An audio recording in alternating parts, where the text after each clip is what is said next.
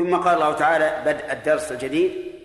وما كان لبشر أن يكلمه الله إلا وحيا أو من وراء حجاب أو يرسل رسولا أو يرسل رسولا فيوحي بإذنه ما يشاء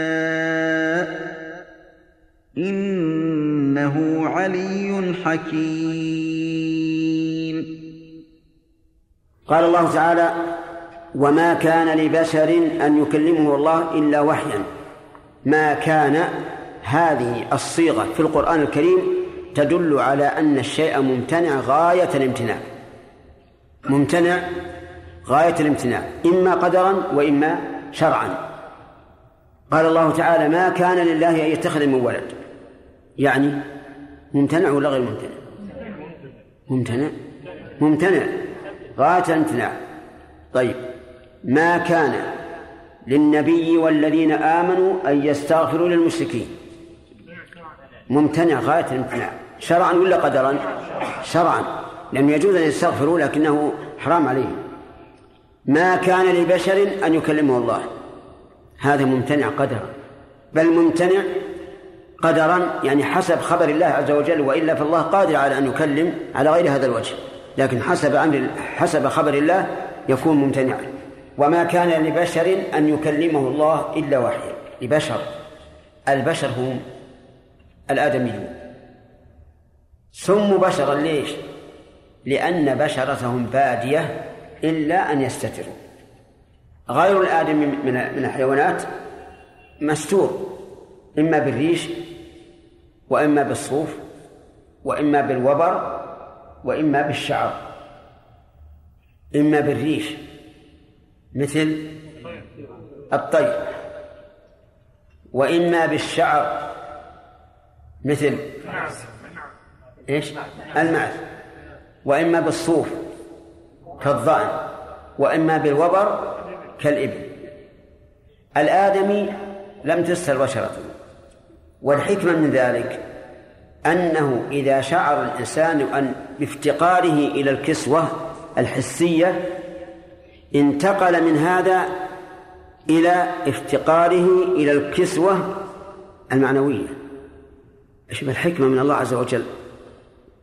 حتى يعرف الإنسان أنه محتاج إلى ستر العورة المعنوية كما احتاج إلى ستر العورة الحسية. وإلى هذا يشير قول الله تبارك وتعالى يا بني آدم قد أنزلنا عليكم لباسا يواري سوآتكم اللباس العادي. وريشا اللباس الجميل الذي يتزين به المرء. ثم قال ولباس التقوى ذلك خير. لباس التقوى هذا لباس معنوي ولا حسي معنوي. طيب. وقيل إن الآدمي سمي بشرا لظهور أثر ما في قلبه على بشرته. إذا غضب الإنسان يظهر أثر الغضب على بشرته ماذا يصنع؟ يحمر وجهه وعيناه وتنتفخ أوداجه ويقف شعره. وإذا بشر بما يسره يتهلل وجهه وتجد فيه البشر. والظاهر والله أعلم أن المعنى الأول أقوى أنه سمي بشرا لظهور بشرته إلا بساتر. أن يكلمه الله إلا وحيا. يقول إلا أن يوحي إليه وحيا في المنام أو بإلهام. هذا واحد. أو من وراء حجاب. يعني يكلمه مباشرة غير الوحي الذي في القلب في القلب من وراء حجاب. كما حصل لمن؟ لموسى عليه الصلاة والسلام وحصل لمحمد عليه الصلاة والسلام ليلة المعراج. فإن الله كلمه من وراء حجاب فما هو الحجاب الذي يحتجب الله به؟ قال النبي صلى الله عليه وعلى آله وسلم حجابه النور. لو كشفه لأحرقت سبحات وجهه ما انتهى إليه بشره من خلقه. هذا النور نور عظيم جدا ما أحد يتصوره. هذا هو الذي احتجب الله به عن الخلق تعالى الله. فإذا كان هذا النور من قوته يحجب فما بالك بنور الله عز وجل؟ هو أعظم وأعظم. قال الله تعالى الله نور السماوات والأرض ولا يتصور أحد ذلك أبدا. وإنما يكلم الله تعالى عباده من وراء الحجاب لأنه لو كشف الحجاب لهلك الإنسان. ولم يستطع أن يثبت أمام رؤية الله عز وجل. ولما قال موسى عليه الصلاة والسلام ربي أرني أنظر إليك قال هذا شوقا إلى الله عز وجل. لا شكا قال ذلك شوقا إلى الله. قال الله له لن تراني. يعني لا يمكن أن تراني. ولكن انظر إلى الجبل. الجبل الأصم الصلب. فإن استقر مكانه فسوف تراني. فلما تجلى ربه للجبل تجلى ما ظهر كله تجلى للجبل. جعله دكا. إن دك الجبل مرة واحدة. وساوى الأرض. موسى عليه الصلاة والسلام لما رأى هذا صعق غشي عليه من هول ما رأى. فهل الآدمي الضعيف يثبت لرؤية الله والجبل لم يثبت. لا والله. ولهذا اندهش موسى وصعق وعلم أنه لا يمكن أن يرى الله عز وجل. نعم. قوله إلا وحيا. الوحي هو ما يحصل للرسول من الإلهام أو الرؤيا المنامية لأن أصل الوحي الإعلام بسرعة وخفاء. هذا أصله في اللغة. فيكون إلا وحيا أي عن طريق الإلهام أو طريق المنام أو من وراء حجاب. يعني يكلمه الله تعالى مكالمة صريحة ولكن من وراء حجاب. والحجاب المذكور هو النور. كما قال النبي صلى الله عليه وعلى آله وسلم حجابه النور. لو كشفه لأحرقت سبحات وجهه ما انتهى إليه بصره من خلقه. وذلك لأن البشر لا يستطيع رؤية الله عز وجل في الدنيا. قال قال موسى لربه عز وجل ربي أرني أنظر إليك. قال ذلك شوقا ومحبة فقال الله تعالى لن تراني أي لن تستطيع ذلك ولكن انظر إلى الجبل. فنظر موسى إلى الجبل فلما تجلى الله له جعله دكا. اندك حتى ساوى الأرض. فلما رأى موسى هذا خر صاعقا أي غش عليه من هول ما وجد وعدم تحمله. فلما أفاق قال سبحانك تبت إليك وأنا أول المؤمنين. فإذا إذا أراد الله أن يكلم أحدا من الرسل فلا بد أن يكون هناك حجاب. الثالث القسم الثالث أو يرسل رسولا فيوحي بإذنه ما يشاء وهو جبريل. يرسله إلى المرسل إليه فيوحي إلى هذا الرسول بإذن الله تعالى ما يشاء. وإنما خصصناه بجبريل لأن جبريل موكل بالوحي. وقد كان النبي صلى الله عليه وعلى آله وسلم يستفتح في صلاة الليل بهذا الاستفتاح. اللهم رب جبرائيل وميكائيل وإسرافيل فاطر السماوات والأرض عالم الغيب والشهادة. أنت تحكم بين عبادك فيما كانوا فيه يختلفون. اهدني لما اختلف فيه من الحق بإذنك. إنك تهدي من تشاء إلى صراط مستقيم. هؤلاء الثلاثة كل واحد منهم موكل بما فيه الحياة.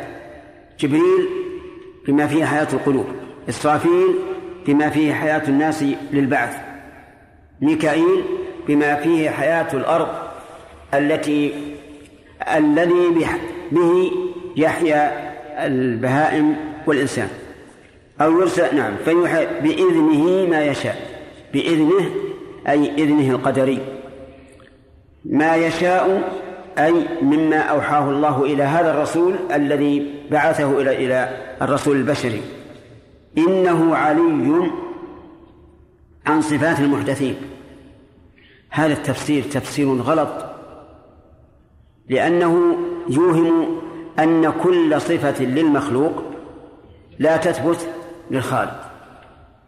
فالسمع لا يثبت للخالق والبصر وكل صفة المخلوق لا تثبت للخالق. ولذلك لو قال المؤلف رحمه الله إنه علي عن صفات المخ... عن مماثلة المخلوقين وصفات النقص. لو قال هذا لكان أهون مع أننا نقول إنه علي بذاته وصفاته فذاته فوق كل شيء وصفاته هي المثل الأعلى. هذا هو الصواب. لكن المؤلف عفى الله عنا وعنه يفسر القرآن على طريق الأشاعرة لأنه منهم. فلذلك يحرف الكلمة عن مواضعه ليوافق مذهبه الباطل. وهذه آفة قل من يسلم منها. من أهل العلم. تجد الرجل يعتقد شيئا ما في العقيدة أو في الأحكام الشرعية التكليفية ثم يحاول في النصوص التي تخالف ما ذهب إليه أن يلوي أعناقها إلى ما ذهب إليه. فيجعل النصوص تابعة والواجب أن تكون متبوعة. لكن هذه آفة ابتلي بها كثير من الناس. إنما نحن نقول علي يعني بذاته وصفاته عن كل عن كل نقص. أما عن صفات المحدثين هذا غرائب. طيب. والثاني يقول حكيم في صنعه. هذا أيضا ناقص. بل هو حكيم في صنعه. حكيم في شرعه. والحكمة في الشرع أبلغ من الحكمة في الصنع. لأن الصنع أمر كوني. لا طاقة للإنسان في تغييره ولا في الحيادة عنه. أما الأمر الشرعي فهو هو الذي محل التلاعب من البشر. فنقول للبشر لا تتلاعبوا بأحكام الله فإنها صادرة عن عن حكمة. إذا يعتبر تفسير المؤلف الذي قصره على الحكمة القدرية في صنع الله تفسيرا ناقصا. فنقول حكيم في إيش؟ في صنعه وشرعه. نعم. من فوائد هذه الآية الكريمة بيان عظمة الله عز وجل وأنه لا يستطيع البشر أن يكلموه بلا شيء بلا واسطة إما رسول أو حجاب. لقوله وما كان لبشر أن يكلمه الله إلا وحيا ومن فوائد الآية الكريمة إثبات تكليم الله عز وجل. وقد سبق الكلام عليه فلا حاجة إلى إعادته وبينا أن كلام الله عز وجل كلام بحرف وصوت مسموع وأن ذلك من كماله وليس كما يزعم الزاعمون إنه من النقص. ومن فوائد الآية الكريمة أن إيحاء الله تعالى على ثلاثة أوجه وحي إلهام والثاني تكليم من وراء حجاب والثالث إرسال رسول يوحي إلى المرسل إليه ما, شاء الله. ومن فوائد هذه الآية الكريمة آه، إثبات مشيئة الله عز وجل لقوله ما يشاء فيوحي بإذنه ما يشاء ومنها إثبات علوه بقسمين العلو الذاتي والعلو الوصفي. فأما علو الذات فهو أنه سبحانه وتعالى فوق كل شيء وأما علو الوصف فهو أن جميع صفاته عليا ليس فيها نقص بوجه من الوجوه. ومن فوائدها إثبات الحكمة في شرعه وخلقه وإثبات الحكم الكوني والشرعي. لأنه مر علينا أن كلمة حكيم تعني الحكم والحكمة. نعم. قسم الله الناس بالنسبة للإنجاب إلى ثلاثة أقسام. إلى ثلاثة؟ نعم. أربعة أقسام. ما هي؟ أو وحي اثنين أو عن طريق الملك أو عن طريق الملك يرسل رسولا فيوحي بيده ما يشاء. هذه ثلاثة أقسام. نعم. نعم. هل معنى هذا أن الله سبحانه وتعالى سوف يرزقنا يوم القيامة قوة في أبصارنا حتى ننظر إليه أي نعم. يوم القيامة قوة الناس يوم القيامة. لا تنسب إليها قوة الدنيا أبدا. أليسوا يمكثون خمسين ألف سنة لا يأكلون ولا يشربون؟ هذا ما يمكن يطاق في الدنيا. أليس الواحد ما ينظر إلى إلى إلى ملكه في الجنة مسيرة ألفين سنة؟ يرى أقصاه كما يرى أدناه. هذا لا يمكن. في البشر في الدنيا. نعم. ما معنى تجلى؟ أي ظهر. أي ظهر. نعم ورد الحديث الذي فيه فضيلة تربية البنات والصبر على عافية جيدة الرجل نعم. فهل هذا الفضل يثبت للأم أيضا؟ أو أنه خاص بالأب؟ الظاهر أنه يثبت للجميع. الظاهر أنه يثبت للجميع. ورد في الحديث أنه, إنه للنساء أيضا. أنها أن المرأة إذا مات لها ثلاثة من الأولاد كان لها ستة من النار وأما مسألة التربية فلأن الأب هو المسؤول عن تربية الأولاد. يكون خاصا بالآباء؟ نعم. إيش؟ ما الحكمة؟ في ذكر الخلق بعد الشر. في الآيات بعد؟ الشر. بعد الشر. نعم. أقول مما يدل على أن أن الاهتمام بالشر أبلغ. والناس ما خلقوا إلا للشر. ما خلق الناس إلا للشر. قال الله تعالى وما خلقت الجن والإنس إلا ليعبدون. نعم. أين السائل؟ هل كلم الله أحدا غير موسى؟ إيه نعم كلم النبي صلى الله عليه وسلم. كلم آدم. لكن موسى عليه الصلاة والسلام سمي الكريم لأنه أول ما أوحى الله إليه كلمه وغيره أوحى الله إليه بواسطة أولا. طيب قل الخلق أولا ثم بالشرع لأن وذلك لأن الشرع يختص بالأنبياء. الشرع المذكور في هنا الوحي الخاص بالأنبياء. هذا السبب. السبب أنه خاص بالأنبياء. نعم. إيش إيش؟ مقلوب؟ نعم نعم. لا ما هو ما هو يريد النور المخلوق. النور المخلوق منفصل عن الله وليس صفة لله. نعم؟ هذا هذا إذا قلنا إن نور بمعنى منور لأن بعض المفسرين قال منور السماوات والأرض. لكنه خلاف ظاهر الآية. ويقال الله نور السماوات والأرض وليس هو النور المخلوق بل هو عز وجل نور. وكلامه نور وحجابه نور. يعني على هذا الحال يكون لمن يشاء من عامة ولد بها الخاص. كذا؟ اسألك هذه إذا قلنا يخلق ما يشاء يهب لمن يشاء أي, الأنبياء. اصبروا نولي الأخ هذا لا. ما تعلمك شيخ بارك الله فيك إذا ادعى أحد خلاف ظاهر اللفظ. لا تقبل منه والله عز وجل يقول, يهب لمن يشاء ولم يقل الأنبياء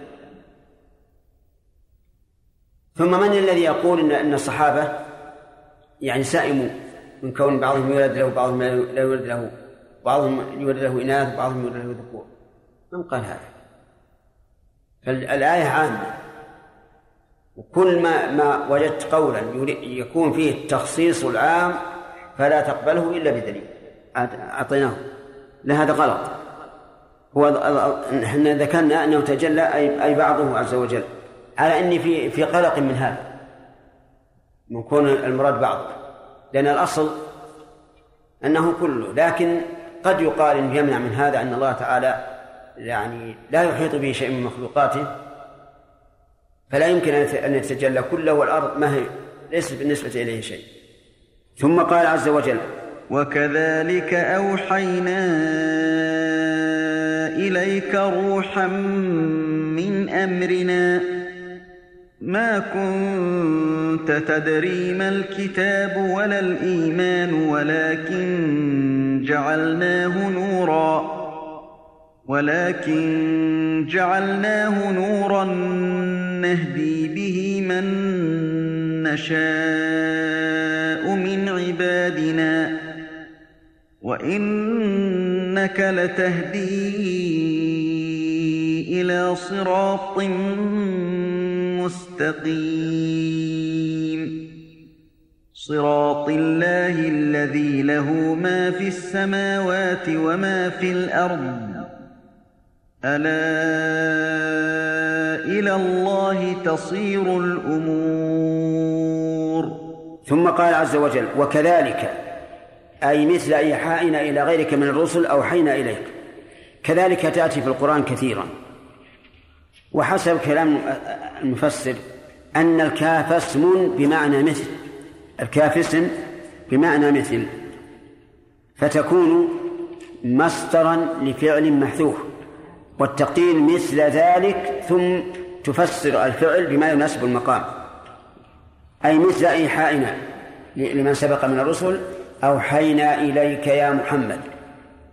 أفادنا بقوله يا محمد أن الخطاب هنا خاص بالرسول صلى الله عليه وعلى آله وسلم ولا يتعداه إلى غيره. روحا قال هو القرآن به تحيا القلوب. صدق.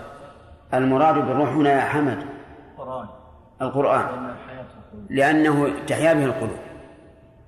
وقوله من أمرنا الذي نوحيه إليك يعني مما نأمر به. ويحتمل أن يكون الأمر هنا واحد الأمور لا واحد الأوامر أي من شأننا. ما كنت تدري تعرف قبل الوحي إليك ما الكتاب القرآن ولا الإيمان أي شرائعه ومعالمه أوحى الله إلى نبيه روحا من أمره سواء قلنا واحد الأمور أو واحد الأوامر. وأخبر أن أن لله المنة الكبرى عليه في ذلك لأنه كان قبل هذا ما يدري أي ما يعلم أو ما يعرف ما الكتاب ولا الإيمان. كلمة ما الكتاب يحتمل أن المراد بها ما الكتابة ويحتمل أن يراد بذلك ما ذكره المؤلف وهو القرآن.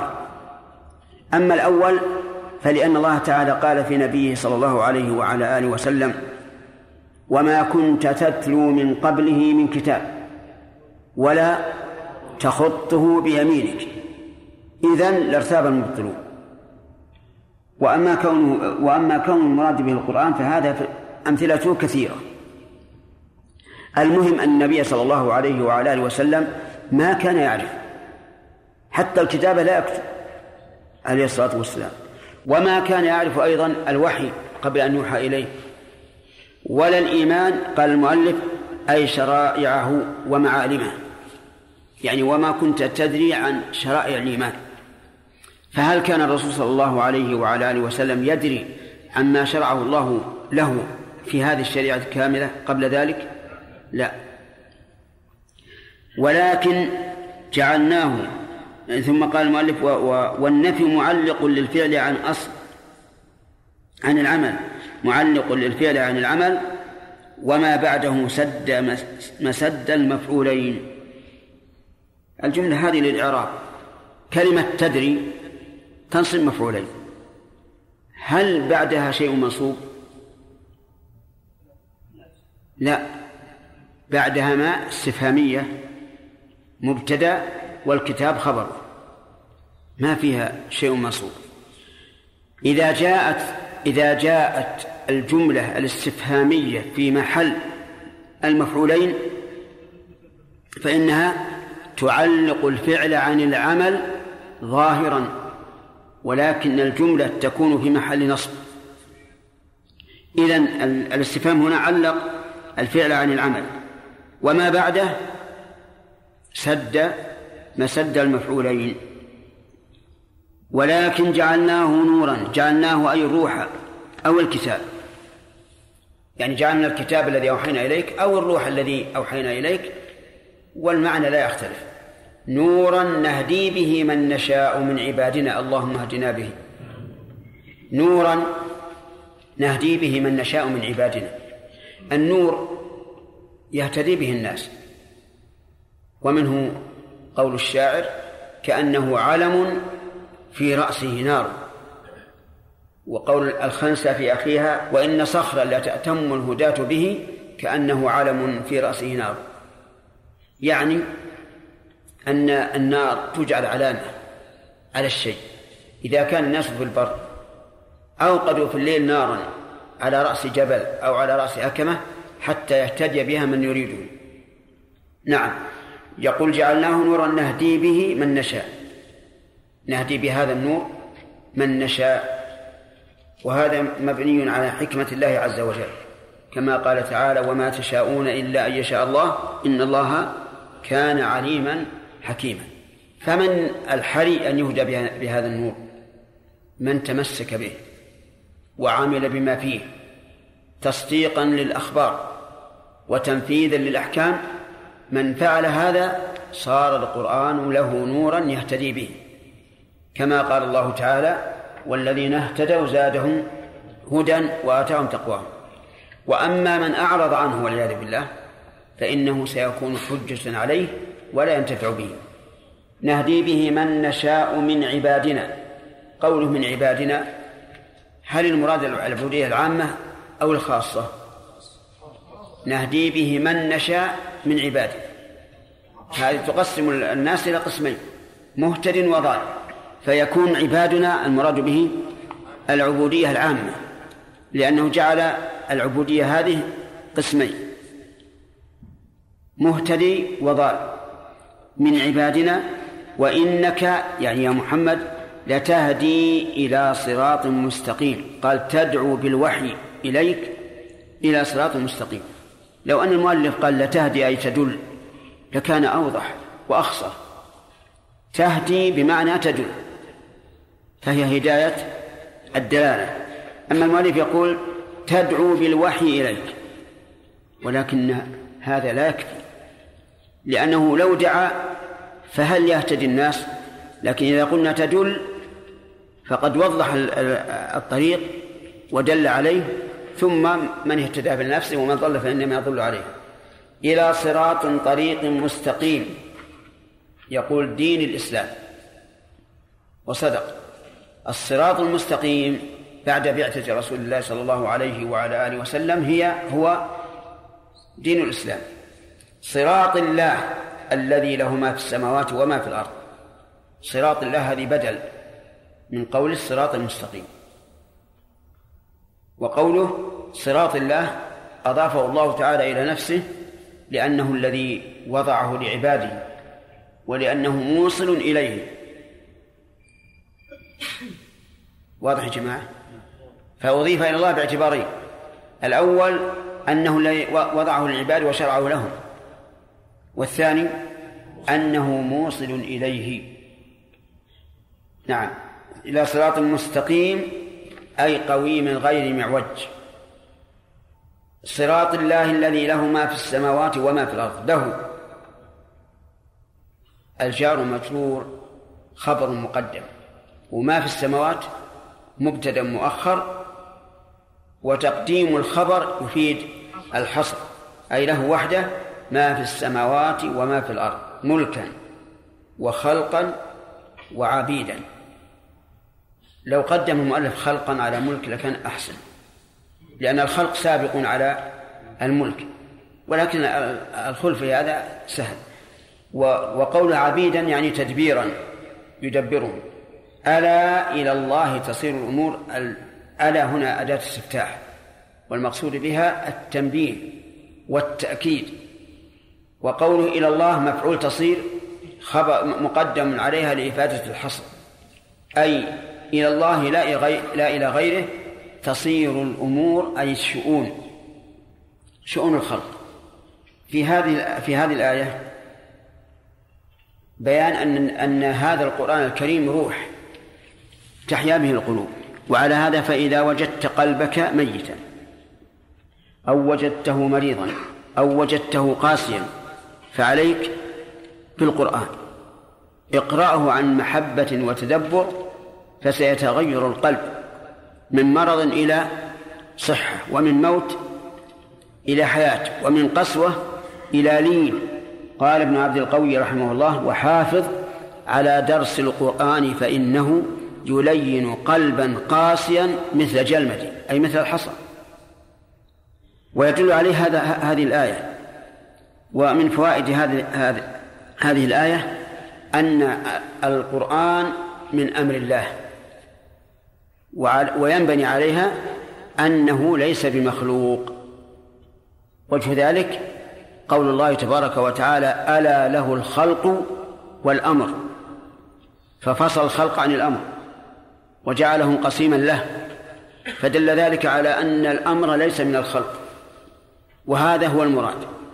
وهذه فهذه الآية مما يستدل به على طائفتين معتزلة والأشعرية الذين يقولون إن القرآن مخلوق. الاستدلال واضح ولا غير واضح؟ واضح. وجه ذلك أن الله جعل الأمر قسيما للخلق وقسيم الشيء ليس منه. قسم الشيء منه أو ليس منه؟ منه. طيب. ومن فائدة هذا هذا هذه الآية الكريمة تعظيم الرب عز وجل نفسه بقوله أوحينا وقوله من أمرنا وهو أهل للتعظيم عز وجل وأهل للإكرام وأهل للثناء. ومن فوائد هذه الآية الكريمة أن النبي صلى الله عليه وسلم قبل هذا الوحي لا يدري ما الكتاب ولا الإيمان. وعليه يدل قوله تعالى ووجدك ضالا فهدى. ضالا يعني جاهلا فهدى. ومن فوائد هذه الآية الكريمة بيان منة الله عز وجل على عباد على رسوله صلى الله عليه وعلى آله وسلم بإنزال القرآن الذي صار به عالما بالكتاب وعالما بالإيمان.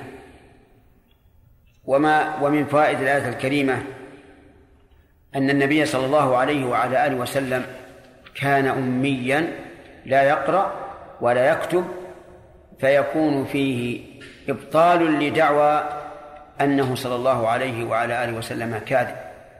لأنه لا يستطيع أن يأتي بهذا القرآن من عنده. من فوائد هذه الآية الكريمة أن الله سبحانه وتعالى جعل الكتاب نورا يهتدي به من يهدي به من يشاء. ومن وينبني على هذه الفائدة أنك إذا أردت أن يستنير قلبك ويحيا قلبك فعليك إيش؟ بالقرآن لكن قراءة تدبر ومن فوائد هذه الآية الكريمة إثبات أن الهداية والضلال بمشيئة الله. لقوله نهدي به من نشاء من عبادنا. ومن فوائدها أن النبي صلى الله عليه وعلى آله وسلم يدل على الصراط المستقيم. لقوله وإنك لتهدي إلى صراط مستقيم. فإن قال قائل ما الجمع بين هذه الآية وقوله تعالى إنك لا تهدي من أحببت؟ فالجواب أن الهداية في الآية الثانية هداية التوفيق. فإن النبي صلى الله عليه وسلم لا يملك أن يهدي أحدا. وأما الهداية في الآية التي هنا فهي هداية الدلالة. اقرأ قول الله تعالى وأما ثمود فهديناهم فاستحبوا العمى على الهدى. هديناهم إيش؟ هداية دلالة يعني بينا لهم الحق ودلناهم ودللناهم عليه ولكنهم والعياذ بالله استحبوا العمى على الهدى فلم يهتدوا. ومن فوائد الآية الكريمة أن هدي النبي صلى الله عليه وسلم هدي مستقيم. لا اعوجاج فيه. بقوله إلى صراط مستقيم فليس فيه اعوجاج في الخبر. والاعوجاج في الخبر الكذب وليس فيه اعوجاج في الشرائع بل كلها مبنية على العدل والفضل والحمد لله رب العالمين. ومن فوائد الآية الكريمة الإشارة إلى أن ما خالف هدي النبي صلى الله عليه وعلى آله وسلم فليس صراطا مستقيما تؤخذ من مفهوم قوله إلى صراط مستقيم. يعني ما سوى ما أنت عليه فليس صراط مستقيم. ومن فوائد الآية الكريمة تعظيم شأن دين الله الذي يدعو إليه الرسول صلى الله عليه وعلى آله وسلم. لقوله لقوله صراط الله الذي له ما في السماوات وما في الأرض. فإن قال قائل كيف نجمع بين هذه الآية وبين قوله تعالى اهدنا الصراط المستقيم صراط الذين أنعمت عليهم؟ وهنا يقول صراط الله. فالجواب أنه يضاف إلى الله باعتبار ويضاف إلى الذين أنعم الله عليهم باعتبار آخر. فإضافته إلى الله باعتبار أنه إيش؟ وضعه وأنه يوصل إليه. وباعتبار إضافته إلى الذين أنعم الله عليهم أنهم سالكوه المؤمنون به. اللهم اجعلنا منهم. ومن فوائد الآية الكريمة عموم ملك الله واختصاصه بهذا الملك. العموم من قوله ما فإن ما اسم موصول يدل على العموم. واختصاصه به من تقديم الخبر على المبتدأ. ومن فوائد الآية الكريمة الإشارة إلى أن الله تعالى يحكم ما يشاء وأنه لا اعتراض على حكمه لقوله الذي له ما في السماوات وما في الأرض فأتى بعموم الملك بعد ذكر الصراط المستقيم إشارة إلى أن ما حكم به تبارك وتعالى لا اعتراض عليه فيه لماذا؟ لماذا؟ لأن الله له ملك السماوات والأرض يخلق ما يشاء ويشرع ما يشاء. ولهذا تجد بعض أهل العلم رحمهم الله إذا لم يهتدوا إلى علة الحكم قالوا هذا إيش؟ تعبدي. يعني علينا أن نتعبد به وإن لم وإن لم نفعل الحكم وإن لم نعلم الحكمة. ومن فوائد الآية الكريمة بيان أن الأمور كلها تصير إلى الله أي ترجع إليه. خلقا وملكا وتدبيرا وحكما. كل شيء يرجع إلى الله. إذا اختلفنا في حكم مسألة من المسائل العلم إلى من نرجع؟ إلى الله. إذا كان يوم القيامة يبعث الخلائق ويرجعون إلى الله. إذا تصير الأمور يعني كل الأمور تصير إلى الله ترجع إليه. فهو منه المبتدأ وإليه المنتهى تبارك وتعالى. نعم.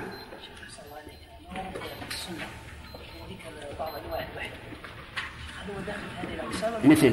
مثل قال أحيانا يأتيني صلاه الجرس. نعم. وحين يأتيني رجل في صوره رجل. إي نعم. يسأل رجل أو يرسل أو يرسل رسول والأول بالوحي. الإلهام. نعم. أقول على حسب نشاطه. لكن قال العلماء ينبغي أن يجعل حزبا معينا يتلوه كل يوم. تنظيما لقراءته. لأن الإنسان إذا إذا جعلها مفتوحة هكذا مرت به الأيام وهو لم يحصل شيئا. وهذا وإن كان يعني ليس معهودا في في من سلف إلا إن كان دل عليه حديث. أظن عبد الله بن عمر قال أستطيع أن أقرأه في شهر في أسبوع في ثلاثة أيام وقال لا لا تقرأه في أقل من ثلاثة أيام.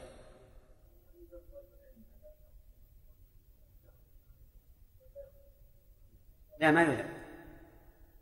لا يذم. والحمد لله الإنسان يقرأ القرآن كل يوم. في إيش؟ في الصلاة. فلا هجر للقرآن نعم. إيش؟ إيش؟ مثل. قلت مثل. ها؟ إي نعم. معروف. نعم. لا هذا غلط. هذا غلط منه. يعني كيف ندع الاستفادة من هذه الكتب العظيمة والخطأ فيها لا يمثل ولا عشر عشر المعشار. قال ابن رجب رحمه الله في كتابه القواعد الفقهية ويأبى الله العصمة لكتاب غير كتابه والمنصف من اغتفر قليل خطأ المرء في كثير صوابه صحيح. هذا الإنصاف. ولا تكاد تجد مؤلفا إلا وفيه الخطأ إما متعمدا أو غير متعمد. ولو كان من عند غير الله لوجدوا فيه اختلافا كثيرا. نعم. الله فيكم. هل كل من كلمه الله تبارك وتعالى بإحدى؟ نعم إذا كلمه الله بشرع. إذا كلمه الله بشرع كان نبيا. وإن كلمه بغير ذلك فقد يكون شيطانا. أليس الله خطب الشيطان؟ قال ما منعك أن تسجد لما خلقت بيدي؟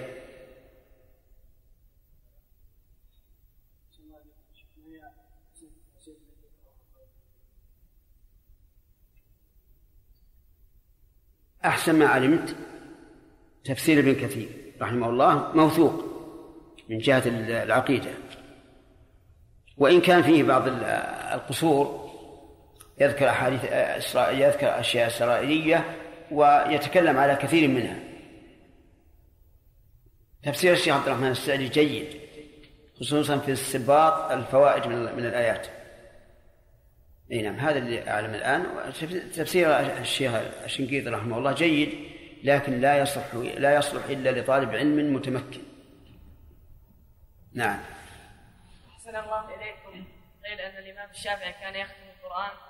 اليوم مرتين في رمضان هل هذا يعتبر مخالف للسنة؟ لا لأن هذا من الأمور العارضة. هذا لا يخالف السنة. الأمور العارضة ما ما تعتبر كالأمور الدائمة. نعم.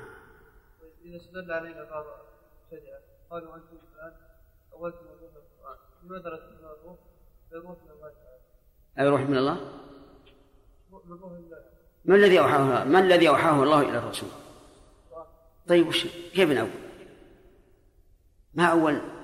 هذا هو الذي أوحي إلى الرسول. وسماه الله روحا لأنه تحاب به القلوب.